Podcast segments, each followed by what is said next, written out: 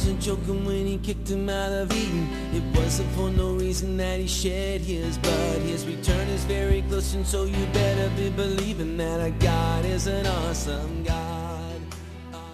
God kvöld og velkommen til sendingina av ein forvindenslig fyrirjøkken bøyblina Henda sending er høyra i lindene kvart mykje kvöld klokkan 19 Endersend verir anna kvart mykje kvöld Og i kvöld kjemir sendingen at snikva seg om profeten Joel Og verster kvöld er Simon Absalonsen, gestur er som andre Jekvann Zakariasen. Velkommen Jekvann. Takk fyrir. Og Terrarne Samuelsen er teknikar i tjåk. Bók Joels er stått einans trudje kapitlar. Fyrir lesaran kan hon tidsast av vera sera gatuföra mengan hatt. Og et landarmal vid beina vi møta i bókin er tujarfestingen. Nær er bókin skriva, eller rettar sagt, nær livte profeteren Joel – onkur profetor tja Joel genga atur tja Isaias og Amos. Og hetta kan djeva en avbending om at Joel var samtuja profetor tja Isaias og Amos. Om så er, så telis Joel mittlen tar eldste av dem profetiske bogen.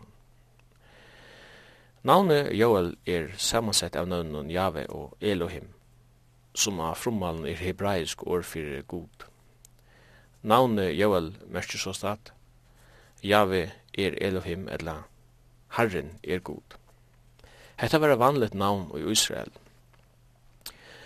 Om Luiv Joels vidar vi snakk sagt Luiv til Det var mest sannlukt at han levde i Juda og profetera i Jerusalem.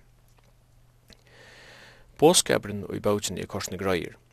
Det var vært herrens kjemer vi vrøye i alt godløse, og profeteren høyder innelig av føltsi om at venda om, at løysa høyleia fastu, og så framvegis. Græshopper var en plava, og i folkasløyne høvde stauran øttafyri, og hesar plava rakte landi av døven Joels. Er at hesar græshopper Øysene møvlig kunne skiljas profetisk tævelse en mynd av fremmandon herun som anna for i framtiden skulle fløy av landet er møvlig, men græshoppenar øya først og fremst er skiljas bokstavlig. Hesse flåtskikt lødde bokstavlig tala grøyna og i øy. Og i hese støve råpar profeten av herran, og profeten høyder av falskje om at gjøre det samme. Og i kapittel 2 sutja vi det herrans, en dæver vi myskre, vi nye skudjon og tåko. Og herren sender ut sin øyande her, og framanfyr hersyn leder herren rødsyn av ljøa. Men i ødlun hesun sier herren, vende vi av ødlun hjertatikkara vi fastu, grati og venan, og skreie sundur hjertatikkara og ikkje kleietikkara.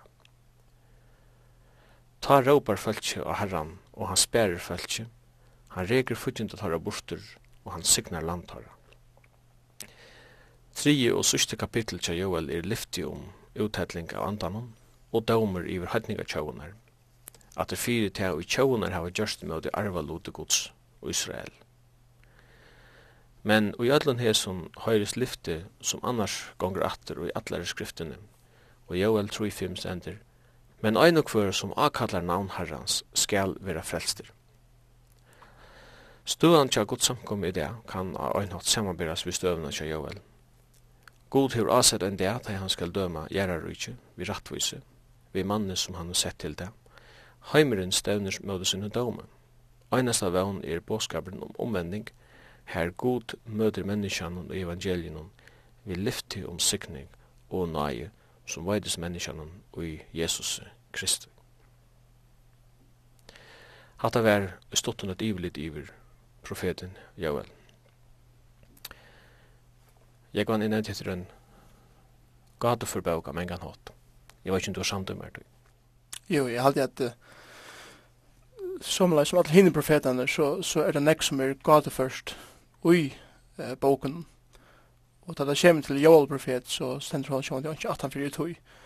Så er en av grunden fyrir at eh, hun kan tidsa seg være gata for er myndatelen som er brukt i bokene. Eh, som du sier, så han tar seg om, om græshopper som er trygg for våre og bøkstavlige græshopper. Han, han hikker atter etter, og jeg trygg at han hikker stutt atter, og han minner folk jo av en av plavu som hefur verið i landnum. Og ønsken gløymer til plavuna, disse græshoppene. Men så teker han myndene av græshoppene, og han sier at nega nek verri enn til græshoppene som tid eh, hev, ja, som tid li under for å komme iver dette land. Og til myndene så er vi en verlig eh, kruks herre som for å komme iver landet og annars myndatalan som, som er der, til nekv myndatala om til dømes uh, dom, til at uh, søvelige endamålet vi Joel er til at Joel profeterar, uh, han bor i Juta, han profeterar dom iver Jerusalem og Juta, man hekker eisne norr til den norra rykje, og sier at uh, norrene fra skal herre komme og, og øya landet. Rent til åkest, er mål i eisen som det innviklet av til han tar seg nek om uh, det herrans som uh, tar seg han om men samtidig i uh, båskapen om dom tås han eisen om sikning og her tås han særlig om eh, kommende av antaherrans som, uh, som er en veldig sikning i framtiden. Hvis vi vender alltid til disse græsåpnere, så kunne vi lese i kapittel 8, vers 4, her stender «Til gneieren løvde, at græshoppan opp, til at græshoppan løyvde at bøydaren opp, og til at bøydaren løyvde at skævaren opp. Her tåsar han om imisk slø av eh, græshoppan. Hvis vi hittar at uh, det er Moses sier vi at han er, vi enda av lusen, ta hei han ikke årene fra god i samband vi lovene, at hvis det halda lovene, så skal det, skulle det være siknaie, siknaie i husen og siknaie ut i marsjen og så framveis. Men uh, bråta til lovna, så skal bannu komme i utikken, og konsekvensene er våre hundalige. Ein av dem konsekvensene jeg kan tilvære til at Gud sier, jeg skal sende græsopper som skulle eta landtikker opp.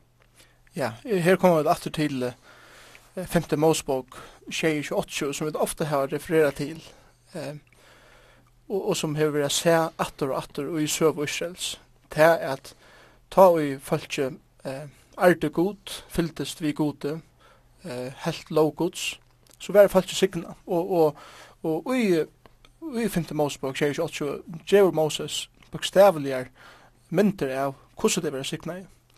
Eh, vreka deg godt, og fylgja deg ikkje low goods, og leva deg egna loiv så, så gav han eisnegar avvisar myndir av hva domer er og som sier her er eina av teimann græshopper. Græshopperna var, var eit av ringkastar som kunde reka landet, særlig et land som, er, er, som lever av grøyene som vekser ut i marsjene og så videre. Ta i græsa på koma til skria og, og, og eta alt opp. Og som sjående er var en av plavene som rakte i Egyptaland. Og det som Moses uh, gjør her, han viser folkene at, eller det som god gjør, er det at han sier at det som rakte i Egyptaland skal eisen reka tikkum om det ikke fylltja mer. Og at jeg tykker det er utrolig sannleik jo i oss nere at vi menneskene er, er frelst fra synd, men eller de som har tro av Jesus Kristus er frelst fra synd, men om man ikke lever et andalt liv, så ver man raktur av synd på nekva måte, og, og i okkar egna liv. Og det var det som uskjelsfolk sa atter og atter, og i tjokken så nekv hundra år uh, i søvende fra 5. Mosbok og ut etter. Ja, ta det fyllt vi herran, var det siknaie, ta det vente herran og bætje, ta kom domer gods i deg. Vi tog fri eia at dreja det atter til som sjåman. Det som vi kan anvende på det kristna løyvi at god søker avvokst og loivn tja det ønstega, men eh, til innega, det finnast og i myndalinn tøyden ikke græsopper som høyta vi at eh, og jeg leitja gods avvokst og loivn tja det ønstega. Ja, absolutt. Jeg husker dem som Galaterbrevet, 5. kapittel, vers 16, her, her sier eh, Paulus eh, livet i andan. Og så i sen i 21. vers gjør han så urslig det av liv i andan. Her tås han om avvøkst andans, som er kallar og frigjør, og frahalt, og så videre. Men om, om man ikke liv i andan, så stender det at så fullfører det gyrnt holsens, og fra 19. vers til 20. vers, lyser lysra hva gynt holsen ser. Og, og tas man sier simpelthen til at hvis det ikke løyva andre gods er styrir til hva løyve, så fyrir sinda rega tekken og eisne at øy letja til hver løyv av nekvan hatt. Og han sier om etter at at liv i holden, at han som sover i holden skal i holden hesta, så brukar han åri øying. Mm. Det er just det som græsapen her gjerra. Ja. Og i målsetning til han avvøkst. Her nevner han uh, imisk slø av uh, græsapen og det som ein grasshoppa løyver, eller løyvde, ta, ta ta nasta, og ta som hon løyvde, ta ta ta tri, enda endan så er alt lukka som er, så jeg er lise om at det blei mist, altså det sorsna i solen, det grasshoppa kom, og det var en, en ohonelig skrekker for folk, det er så svermannar kom i Niveland. Ja, det var ikke vera, i med slø av græshoppen her bænt. Og, og det var ikke være græshopper som, som lett etter avvisen eh luton eller grøya. Og det kan være at onkra gräshoppor har lagt av ett särskilt slä av gröja og det er også annan få fri men domer var så svarer at det som fikk fri fick fria lukal til et annat slä av gräshoppor kom Og, og mynden her er atter uh, utrolig sterk, strick vi at, at det kunne være omrøyer akkurat løyve som var avlåpen. Og om vi ikke venter til god, så er det andre omrøyer og akkurat løyve som kunne være avlåpen av, av øren tingon og, og iver som, som kommer inn i løyve. Og vi tar en fudgjende som er taktikar, han var hver, var ikke så innan i. Ja, og jeg tykker eisen han er en taktikar som eisen legger av den som vi taler ved akkurat menkan, og færkene fettle her. Jeg vet fra uh, landbuna, her sier man jo om, om, om altså ikke græsa, men kreaturer til imiske matar det etter på, og eisen i, i. Og det er her som hester er veldig en bøy til her som er en røvus uten her som kikk vi er. Ja, men Så vi sier ikke nega mindre at det her. Ja. Som et urslut av sånn her græsapnen i kapittel 1 så sier profeteren, han gjør okna en løysing av støven i landet han sier lømme seg marskiner og ødd, og egerlende syrger, bøndene er vannbrottner, vingarsmenner vena seg, kruiaturene djeva seg, og neitafylgjen renna rødt om, og så nevner han eisen at frøyen svinner ur huset godsokkara. Så vender han seg til falki og sier ledetikken i syrjubunna, gremja tikkun til prestar, venetikken til de gjerra tænaste vi altar, ferien og sier alla natten i syrgebunna til tjenarar gods, til mætoffer og drittjoffer er horven ur huset godsokkara, lus i heilige faste, boi haderstevne, fai saman en eldste og så framvis. Og til endan så sier han vi herran sjalvan, til tuin herre råpige, to eldre hever eit bøytin i, i øyemersen. Det ser ut som at uh, han hever, han beskriver situasjonerna, han vender seg til følse og tar seg vi følse hva det er jeg gjør, og til sørst, så råper han og herren og sier, nå er bare ein vevn, og et all til to. Ja, absolutt, og det som, det som han lyser her, Bent, er, er sjående først og fremst kapittel 1, som vi, som vi tar seg om nå, Og, og her har vi det søvelige søgene. Vi tar seg enda med seg bøkstavlige og græshoppene som har, som har rakt landet, og han hikker etter det, og han ser det, han, som profeter og god ser han hette her, at, at uh, hette ikke bare nega som er bare hent landen uten nega grund. Hette er domer gods som er kommet i landet, og, og det er det som er så fantastisk vi en profet som, som uh, gjør en annerledes enn annan. Han ser uh, ja, han ser faktisk under iveskorpene hva det er velja som ligger under ødlen. Og til tog i femte verset, til dømes, eller ut fra femte verset og ut etter, eh, råper han, vakne, vakne, skilje hva det er hent, og så videre. Og han råper folk om at eimer seg selv for gode. Men som en profeter, så, så ser han eisen til at, at her som domeren er kommet fra, her kan han eisen fære til og bya om, om nøye, og som du sier, eh, at han ender her ved å råpa til herren, til tøyn herre råpi, og, og han, han lyser, han, han brenner fyrir falskjen, og han brenner i for Asjan gods, og han, han føler det at, at det som er hent er, er lukka som øyande elder som er kommet i deg, og jeg trykker at han, han råpar til herren, til herren, og sin innasta, tjupasta, hjärsta, eh, fyrir falsk. Vi kærlega til falsk, og vi råpar nøy til god ofta så ser folk att god kan inte gå åt han lever hästen och hästen men eh, vi så efter åter skriften är att eh, och välfärd och komfort. Det får ofta folk till att eh, glömma god och till lever några ting som man kanske inte innas in eh, vil alltså herren. Men eh, till hans ramat att eh, få fälsa till Ja, absolut en en nok så av spurning kommer upp och görs nära så kvui kvui live god slukna henta. Ehm samtidig så så lär skriften er klart at god skapte människan och bygger synen som innebærer at människan har en fri vilja att ta moralska avgörelser kvad är skaft eller kvad er, är rätt Og det viser seg at ta i folk tega skreivar moralskar avgjør, som de har gjørst her. De har vent gode bætje, de, de, de har uh, råtenskap og, og åtruskap i landen. Så vera fylkjene her etter, alltid. Og, og tog henter dette her i landen. Så, så jeg tykker ikke man kan si at, at det beinleis vilje gods at dette skal henta. Jeg tykker at som uh, vilje gods fyrir sjoldan kjørtur og hessi gjør, som, sjoldan, som, som oftast fyrir mun vilje kjørtur, og ta Jesus sier veri vilje til og i himmel så gjør, så, så sier han til at god til den perfekta vilje i himmel, men at han vilje veri som oftast ikke gjør det gjørne, og i munar ekno egoisme, og så videre. Og så råpar han av okkon, og han sier, Gjev deg under vilja gods, ta i tid er gjev under vilja gods, så fer alt að vera rætt og det fer vera gott. Og, og avlægingarna er av at gjøre min egna vilja eh, er alltid rævligere, men avlægingarna er av at vilja gods er og govar. Så det som hender folken her Trygg vi ikkje er som så vilje gods, men hette nega som folk fører i seg sjálf til at det er tidsi skreivar avgjerer og til hava konsekvensene av tøy. God kommer inn og han fyrir teka nega som er, er, er ringt og er ønt og er skit og er tvit og han fyrir venda det til det goa settene i, i bókina. Så, så jeg vil sagt her at folk løyer av tøy som de sjálf hava avgjerst og i sinne fria vilje. gjøre man kan vi örna si säga till monor av Guds fullkomna vilja och så det som god och en när lära sig det lever. Ja. Till god god kunde har sagt att det är bara fria vilja från människan.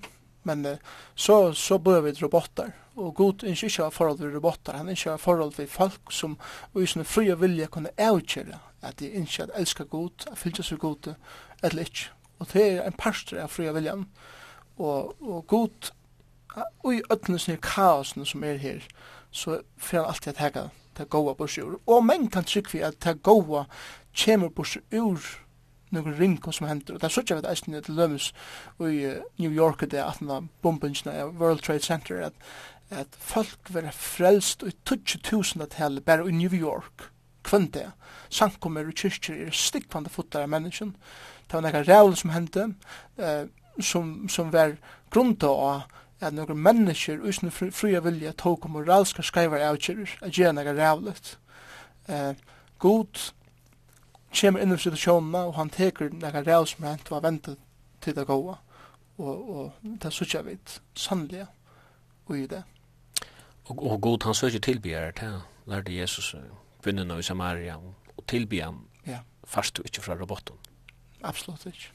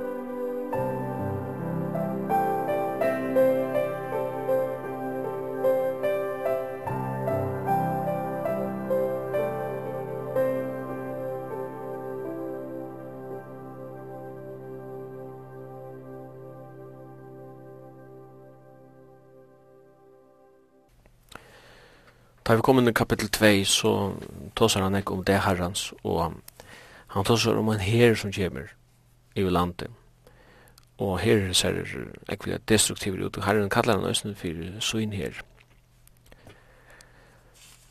Jeg vet ikke hva du har å si om kapittel 2, Jekman. Jo, um, altså, første kapittel, ta vi tidsja etter første seksjonen av, av Jólprofetet, så sutsi det som domgods, og til faktisk kapittel 1, og kapittel 2 til 16. vers, eller Og han hikker etter nutøyene og framtøyene, altså nutøyene søvelet, framtøyene profetist. Og da han kommer inn i andre kapittel, så, hikker, så ser han det profetiske søyene. Nå, jeg har levd om, omlai, jeg vet ikke, omkring år eh, 830 vi har lei, og ut etter. Men Joas konger, rådde, eh, kunne vi sutja av imenskan hatt. Til dømes eh, til er som du eisen sier mittel Joel og, og Amos og så videre. Og jeg husker her selv her, Joel 3.18 og Amos 9.13. Så ser man bare til, så sørger vi at det er tåsa noen som og tog. Anki konger heldur nevntur i bautsinu. og bare leiandi elstar og prestar er nevntur. Og man kan spyrja kvui og Sverige er tog at Joas konger var en lydde smadrangur til han var valdur til konger Og tog hadde vært eldster og prester som har rådgivet kongen og så videre. Så tog han ikke nevnt det. Nå profetist, og i øren kapitlet, så, så, så ser han inn i framtøyna, og vi leser til dømes uh, i første verset, blås i hodden sin, blås herskaper og heile fjallmøynen og så videre. Det er hvor herrens kommer, han er, han er nær. Og dette tar seg sjående om, om doma det, det er herrens ter bokstavlige græshoppene vera nå brukta som mynd av de bokstavlige norrene rygene, som er Assyria, som fer at herja av landet i, i framtøyene. Og i ljósen av tusen fyrir henda, så kallar eh, profeterne folk til a fasta, a venda vi, og øyingen vi er så lust i fyrstan til etla ørende, og kallar a venda vi er så a finna fra 12 til 16 ørende. Nå, ta jeg sier at vi her herrans, Så kunne du spyrja, men var Assyria som, som var futjende gods, futjende Israels, futjende Juta, kan det her kallast herrer herrans? Og jeg sikker sverre kan her være ja, tog at eh, mengan brukar god futjenda til at eh, tikta sitt egna folk vi.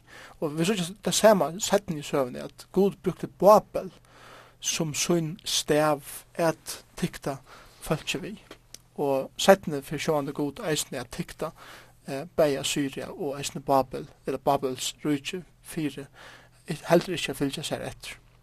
Så, så her sørger vi nekka bokstavlet eisne, som fyrir vera negg verre enn nekka græshopper som kommer iver landet, og hette er kall fra profeten eh, og i, i navnet gods om at venda vi til herran.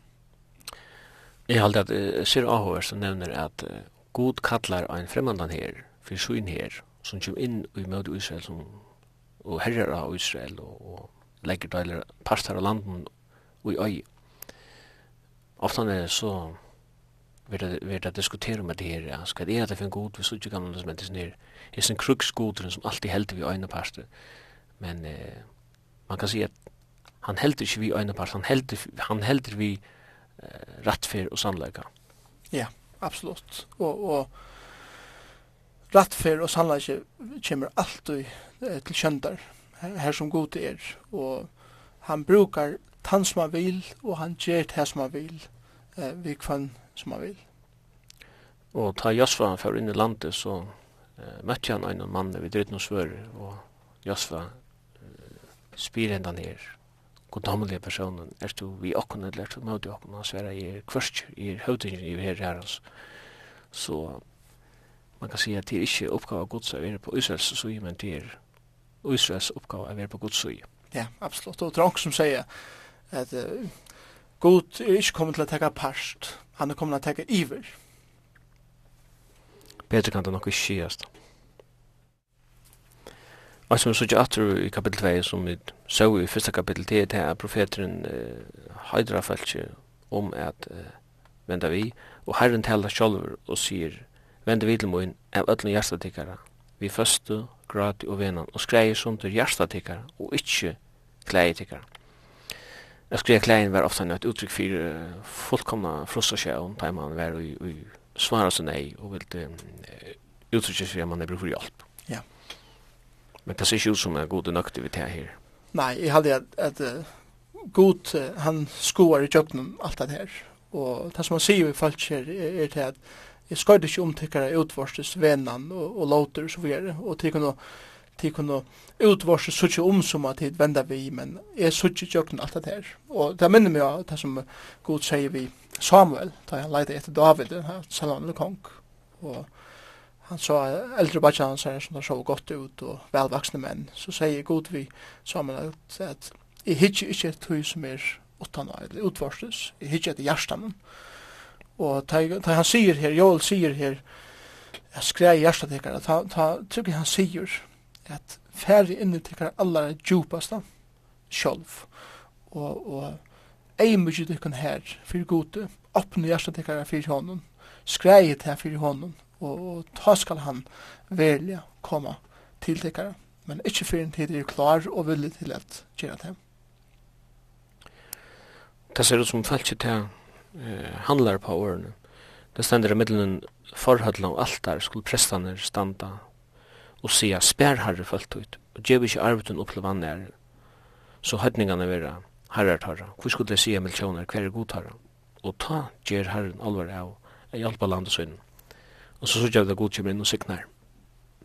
Ja, da vi kommer til, til sier til 18. vers i, i Joel, så i munnen, munnen ivelig det er Joel, så, så uh, tar jeg ære helt til annan part av Joel fra 18. verset. Og første part er domer gods, og annan part av Joel er frelsa gods og nøye gods. Og, og herfra i ljósene av dome uh, hever Gud alltid en sikning. Og han ønsker alltid å sikna ikke enda male vi om og tykte gods er at enda reisa og sikna folk Så nu herfra for profeten gjør god tøyend, at god fer a senda bjerging, bæg i, i nærmaste framtøy, det er at han fer a bjerga uh, juta og falskene fra uh, herren, Assyria og så videre, og han fer a uh, føra falskje heimator, at han er Babylon og så videre, men jeg tror ikke eisne at som vil komme langere ut i tredje kapittel, så, så tar han eisen om sikningar og frelse enn langer fyrir framman eh, profetist som eisen enn det er og i framtid fyrir, fyrir okkon som liva i 2001. Det er altså profeten Joel, han pekar lengt fram i tøyina. Ja, eh, jeg blir nok det a mynda det som profeter suttja i fjallatindun, profeten hever stegi, og hvis vi hugsa om vi stand her i fyrjun, og vi hitja kanskje sura etter, og vi sutja nekkar fjalla tindar til at hitja etter eh, seimøytene, så sutja det er sandøytene, så omkring gavan det, sutja det heilt til surjar, og vi sutja nekkar fjalla tindar stinga opp, og Og vi sutja ikke det som er i delen, vi sutja ikke disse imenske bygdene som ligger i imenske dølen. Og ta jeg en profeter hikker fram etter, så ser han imenske fjallaltinda som god viser honom. Og Joel, han ser her nekka fjallhindar som er nær, som er frelsagods fra Assyria og fra Babylon, så videre. Men han ser eisen lengt fram som er frelsagods fra til endalega futjanen, og så videre. Og han ser ikke som så til eh, det som hender her i middelen, i dølen, og et nå er eh, vi får ikke nekka stora løsningar samkommet tøyene og, og anna som hender. Det tror jeg er god vysen bare fjallatappanar, og det tror jeg han ser lengt fram i, i tøyene her. Og da sjå kanskje heller ikke hvordan lengt det var i middelen i sånne fjallatindene. Akkurat. Da du nevner disse tindene, jeg kan som profeten sa, så kom jeg ihåg som da Jesus kom inn i Nazaret og i synagogene og åpna i Isaias bok og les det her, at antiherren ser i mer Så han har sendt meg at kundgjør fatikken evangelius og framvis, og så, så sier han vi er, og kundgjør nøy er herrens, så leder han bøkken atter men det sender ikke akkurat, eller det sender ikke mer i Isaias.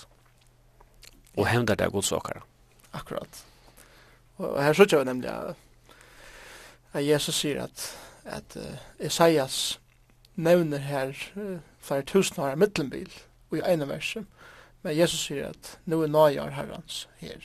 Og han leder bogen atter, eller ruttler, ruttler sammen, eller hva det er som skjer, og, og legger han fra seg. Tøy at hendar dævren er ikke kommet enn. Så her er tvær tindar i en setning til tusundre år i midtelen. Selv om det kanskje ikke engang er komma som skiller det her. Akkurat. Og et av de ting som tar ikke så ut særlig klart som kanskje la fjallt i delen til hver det er bøyla til den vidan fra Nudjelsmentet og evangelien vid her i det fra Kristi offerdeia og Golgata. Det er så der vi spærer bråd om. Ja, absolutt. Og ta vi leser jo gamla smenten som vi har gjørst nu, så, så er det alla tøyen en langsel fram etter til okkurs som fyrir koma. Og, og vi, vi narskast eh, til det her malet nu, tar vi fyrir koma nødja sementet, til at nødja sementet åpenberar alt det som er fjalt og i gamla sement. Og Paulus uh, i brøversen, han, han kallar det et løndarmål som honen er givet, og dette løndarmål legger nu framfyrir eh, det som han skriver til, og hette landamal er, er landamal gods som er åpenbæra i Jesus Kristus og til landamal er sjående at, at Kristus kom til gjerra at dodja for mennesker uh, for synder menneskans at, at boa fri, at boa frelse at boa vogn uh, fire, fire vognleis Og Peter Apostlan skriver i brevsynet at om hans frelse var det er profeter tar granska og tar rannsaka. og det er kanskje alt som nevnt jo akkurat seg døkken, og det videre så vanlig å sitte det her stora familieboiladet. Ja, og vi tidsja i, i bergspekle, og vi sitte alt som er hent eh, som er færre. Men jeg tror at Joel og alle henne profetene, der har, jeg tror at det er mange seg og, og klare seg i nakken og videre. Hugsa hva er det velja som herren åpenberer fyrir meg her, og det er ikke seta fullkomlig. Ja og, og jeg tykker at det må være fantastisk kjøtt heimene nå at skoa eh, helter mentene som det er hjemme i herren. Ta sjå bare brådre av Guds frelse og sannløgn og vi tar helter mennene i det. Ja, det er akkurat, det er akkurat som uh, hekker etter en film så ser man kanskje reklamer av øren film som er snapshot bare av alt mulig men, men man ser ikke veldig hva det er om men, men man ser at det er spennende at det er godt og, og vi tar finnes ikke noe heldarmyndene i åpenbæra og i nødja Testament. Eller at det blir jo et familiealbum, så sart og et bilde av hæsum, og nu er tvær personer her, nu er trutcher og så er øyn, og til endan så sart jo et størst familiebilde. Ja. Her er det samleik. Og vi kunne glede oss til den dagen ta i ta albumet var ordentlig folk kom. Og var noe er at at alt kunne være vi her. Og som uh, kunne djeva sitt liv til Herre Jesus Kristus, bæt nu som det er lusta, etter sending, tog at eh, det som Joel profeterer i, det var det som er oppfyllt i Kristus, og han, han bor vogn i det. Da vi kom inn i tre kapitlet, så börjar han vi heta si at jeg skal etretta uthetla andamun iver alt hold og syner og døde tikkara skulle profetera henne gamle kjattekon skulle hava dreymar og henne unge kjattekon skulle sutja sjøvner. Og ett som ger detta verset kanskje selja kjent til at um, akvidsundegin akvidsundegin tar i anden fall og folk stod rettelig forvirra i Jerusalem, ikke visste hva det var som hendte, tog de hørte jo lærersønnerne ta seg andre tungamal et som anden gav dem å si, og de hilde det var fotle av sødom vinn og så framvegis så er det Peter stod fram, og han fører liksom det som folk ikke sa, og ikke skilt iver av en bøybiska grunn. Og den første teksten han brukar til fra profeten Joel, han sier hette det som er skriva av Joel, profeter. Så at han er at, hva skal man si, Guds mannhet er født, så er den første teksten som er brukt i denne prædike ur profeten Joel. Ja, og hette Jerry Sean, Joels bok, eh, særstega at han nått at, at han var som var først sitera over. Nå, hvis vi teka det som Peter sier først i ljósen, at det som Joel sier, så tykker vi skilja bedre det som eh, Peter yngst jeg får fram og det som han sier, da han taler i her, i Apostelsøvne 2. Da vi kommer til 3 kapittel i Joel, så, så leser vi eh, etter hetta. Og, og nu, nu brøyter han fra sin nærmeste framtid som han hikker etter, hessen fjallatoppen som er nærmast, og han får hitjen jo lengt fram i, i framtiden, som sjående enn ligger lengt fyrir framman. Og han hikker etter at ein dag fyrir god er at endurreisa landet, og han får endurreisa folket. Og han hikker eisen etter i 3 kapittel fra 9 til 15, at ein dag fyrir en endalig bardag at vera eisen, og jeg tykker han sier bare her til Armageddon, Bardajan som får være i framtiden, og vi leser om han i oppenberingen Nøytjan. Og han tar seg eisne om endelig frelsene til han endar bøkene fra 16 til 21, at endelig frelsa skal komme eh, iver følge. Og vi leser i 25 døren, men Judas skal være byggvandig og i alle ever, og Jerusalem mann etter mann, og så var det. Ta i Peter citerar hette her, så, så, så citerar han sjån fra 3 kapitlet, og han vil lese til dem så i Apostelvene 2, um, da han sier, der, der er her skildet for jeg vil ha drukner, det er der tåsa under tungemål, og så videre. Men Petrus, han uh, stod jo fram, og han sier, nei, Hetta er som sagt er Joel profeten. Så skal vera av sørste døvun, sier god, jeg skal uthella anda iver alt holdt. Sinur og døder tekkar skulle profetera, henne unko og tjatekken skulle sutja sjónir, og henne gamle tjatekken skulle heva dreymar. Ja, om det så er det munir og treal kvinner møyner skal jeg at teimen døvun uthella av anda møynen iver tei, og tei skulle profetera. Jeg skal leta underhenta av himle uh, oppe, og tekin av hjørnen er blå eldur og ekskutt, solen skal omskiftas myrskur og manen blå og arn er herran kjemur i store og dyr, og så skal vera kvart han er kallar av navn herran skal vera frelstur. Jo, spurningren som eh, bibellærar og teologar hevet det er hva meinte Peter vi til han sier, og i det er hetta oppfyllt eh, i middelen tikkara. Eh, Og det er jo imiskar avskåner. Anker sier at, at dette var alt oppfyllt av, av hessen døven. Og, og talan her bant om til dømes at tekin skulle være blå eldur røykskrutsk og solen skulle omskifta sånne er mentali tale av det som hendte og, og det som man tåsar fyrst om i 16. verset at andomen skal være uthelt og så videre det, det, det var så oppfyllt og så videre ja Men en annen avskån sier til at dette profetåret skal bytas opp i tvei. Eh, til, til første ørene, 16.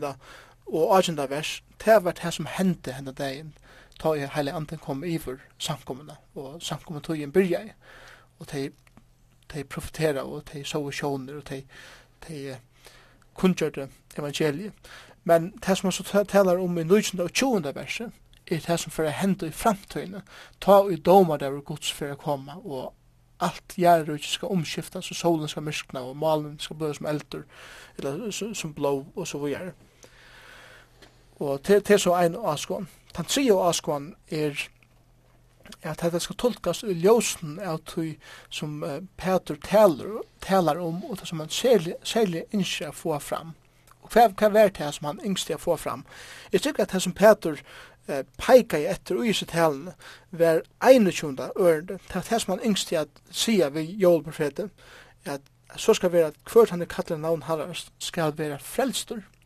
Nå, heile andre ber jeg fyrir noen at hette det som Joel profeterer om, antum mun skal være uthelter, det hente søvlig hentan dagen, ta i til å beskylde for å være drutjen, men det er fyllt av andagods. Og han sier at, jeg siterer det vi tog for ei å komme fram til einsjunda vers, som er at om til kattla av navn herran, så skulle det være frelst. Men han citerer her altså versen i middelen om domadeien, om det som skal hende i framtøyene. Og det som hendte hendte dagen, ta i Peter sier, om til kattla av navn herran, så skulle det være frelst. 3000 mennesker kattla av navn herrans, og 3000 mennesker var frelst hendte dagen. Så min tolkan er, er at det skal bøyda seg på tvei, Fyrre helten var oppfyllt henne dagen, settene helten fyrre var oppfyllt i framtiden, men enda mål ikke Peter var å si kattle av navn herrans, så skulle det være frelst. Og hatt er gjelder eisene for ein ukvann som lustar i det. Om det kattle av navn herrans, så skulle det være frelst, og han ventet det kunne ikke bæt. Og i samband vi lyfter om utlæring andan 3 kapittel, så er knytt oppi til noen profetier som er det man stund kalla fyrir apokalyptisk. Det var sånn, de, de minna om uh, profetien i åpenberingsene. Ja. Om tegjen av himmelig og blå, eld og røykskudj og så framveis. Og vi er tåsar han om uh, herrar som kom, kom ut i Israel og Jerusalem og det kan minna okkur nå beil om sin sikker lott 13.30 og Zakarias profet og eisen det som stender i um, åpenberingsbøkjen. Ja. Så vi tar några några starkare apokalyptiska mynter i tre kapitel eller sista kapitel i Joel. Ja, absolut. Og, og så vi tar seg myntene og, og leser det her i ljósen av åpenberingene, så synes vi at det passar perfekt saman, og at det tåsar om enda tøyene, ta i Herren, skal gjøre enda av ødel ønskap, og han skal enda reise sitt rydde her i jord. Det ser ut som at Herren hever en, en særlig råttenskap av det, i för öllun tjånen i heimen på den maten som det är behandla Israel på. Ja.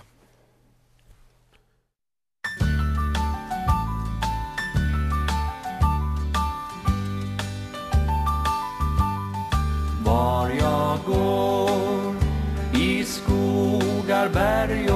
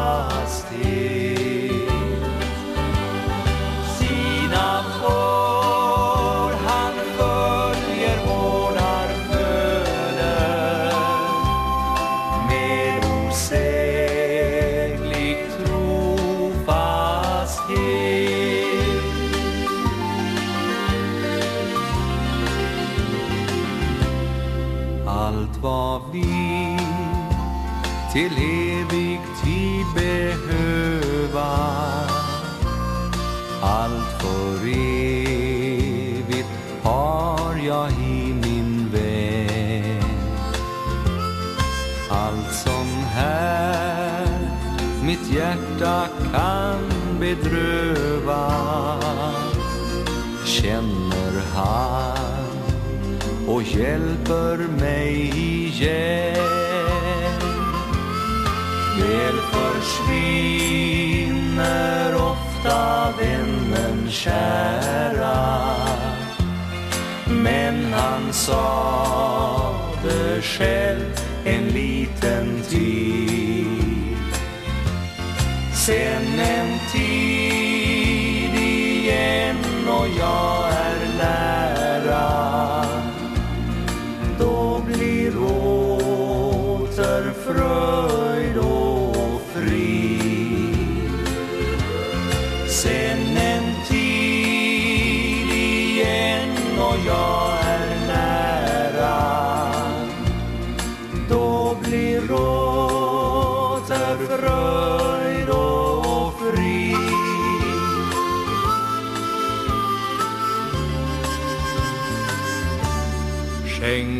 mig, o Jesus, denna lycka som fördriver otrons mörka kvar. Korsets bild i hjärtat värde stryka till beseger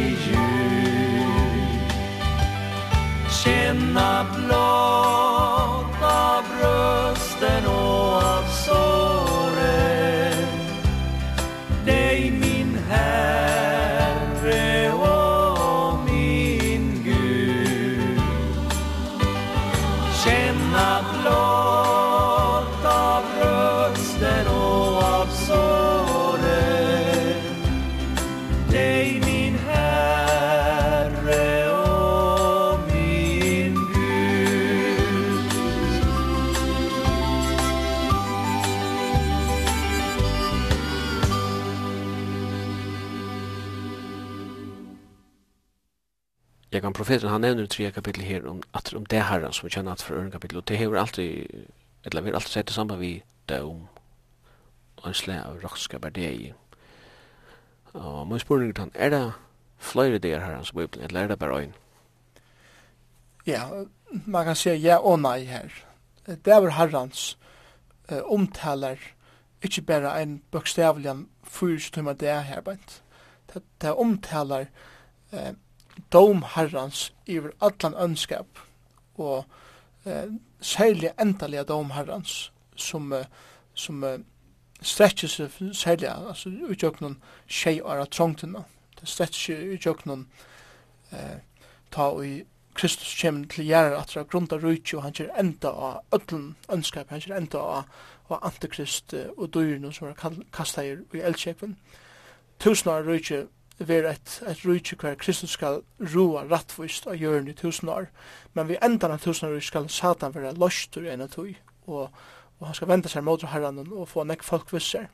Ta skal herran eisne endelig gjere av i allan ønskap ta, og ta, ta vera det aller det står og kvita hasade, hver allar ønskaper, Satan sjolvor og alt vera, vera dømt fyrir hans sind som, som de hava liv og, og, og gjørst. Og alt det her, samanlagt allan dom Guds yfir synd til alla tøyer kan omtalast som, som dævur herrans. Korsene veri dævur herrans eisne sibar til som avvise dier til dømes han dævren ta i Kristus skal komme til gjerrar at at gera enda av öllum ønskapi og grunda rutsust. Eisen tan dævren eh, vi kvita hasade, ta i alt skal standa framme fyrir asjon gods og vera dømt. Det er eisen en bokstavlig tøy, en bokstavlig sted, som kan eisende tolka som, som det er herrens. Men jeg har sagt at det er herrens er domer herrens vår atlan ønskap, skal ikke enda at tøy fullkomlig. Da vi tidligere til Jovans bøk, hva skjer vi Kristus i bøkken? Ja, vi lauser til dem i, i 3 kapitlet, vers 1. Etter dette skal jeg uthedla anda mot. Kristus kom og han var filter av, av andra gods og han tog seg om, om najar herrans som som han kom at, at djeva. Og Jesus da han tog seg sista kvölde vi, vi lærer som han kjøsar i Matteus eh, 13 til til eh, Seijan tog seg han vitt her om at annar talsmär ska komma etter meg og ta er færen så skal han komme og her, her han om at hele anden skal, skal komme og i, i uh, Apostelsøvnet 1.8 etter at Jesus er risen opp så sier han at at de skulle få kraft ta i hele anden kommer og de skulle være vittne mine og det som sier her er til at um, Kristus boar komo heile andans.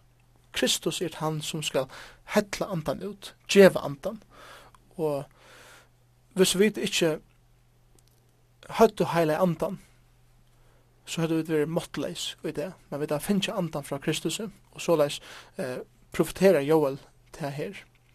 Et annet som sutja er eh, domer herrans, og, og til hin heltene, at eh, at jörn skal bli blå eldur og, og røykskutj og så videre. hata hata omtalar eh, Jesus Kristus som domar. Heila anden omtalar Kristus som frelsare.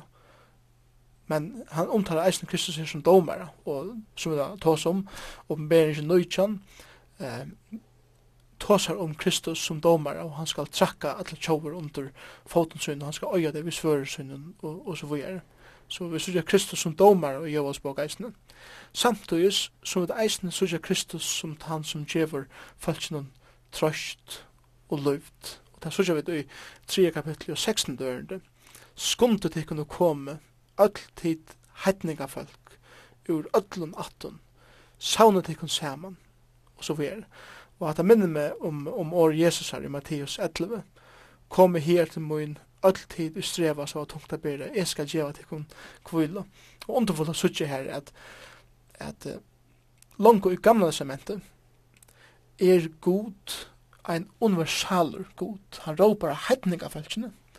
En en jötisk profeter skriver her at god ropar av hedningarna av öll folkastur, öll natten og, og det som man lærer okken her er at Kristus hever eina all tjova atlan eina all folka atlan eh, i frelsene.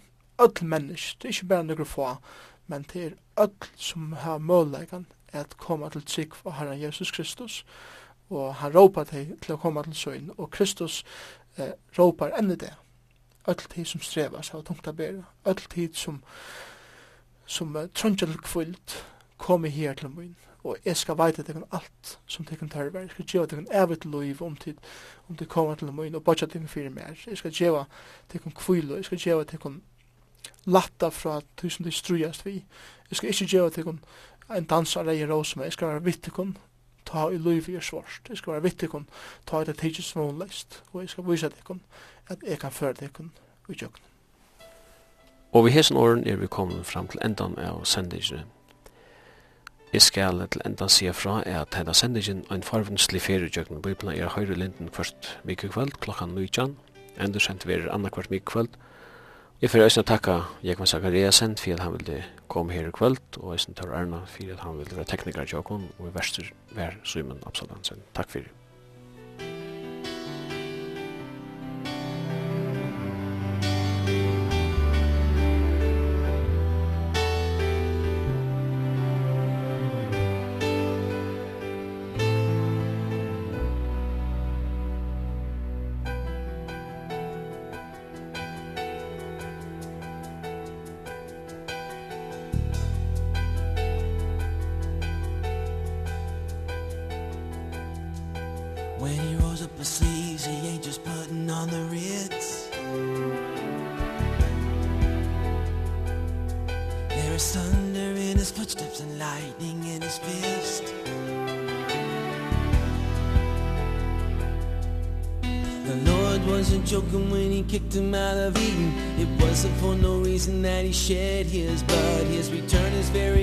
So you better be believing that our God is an awesome God.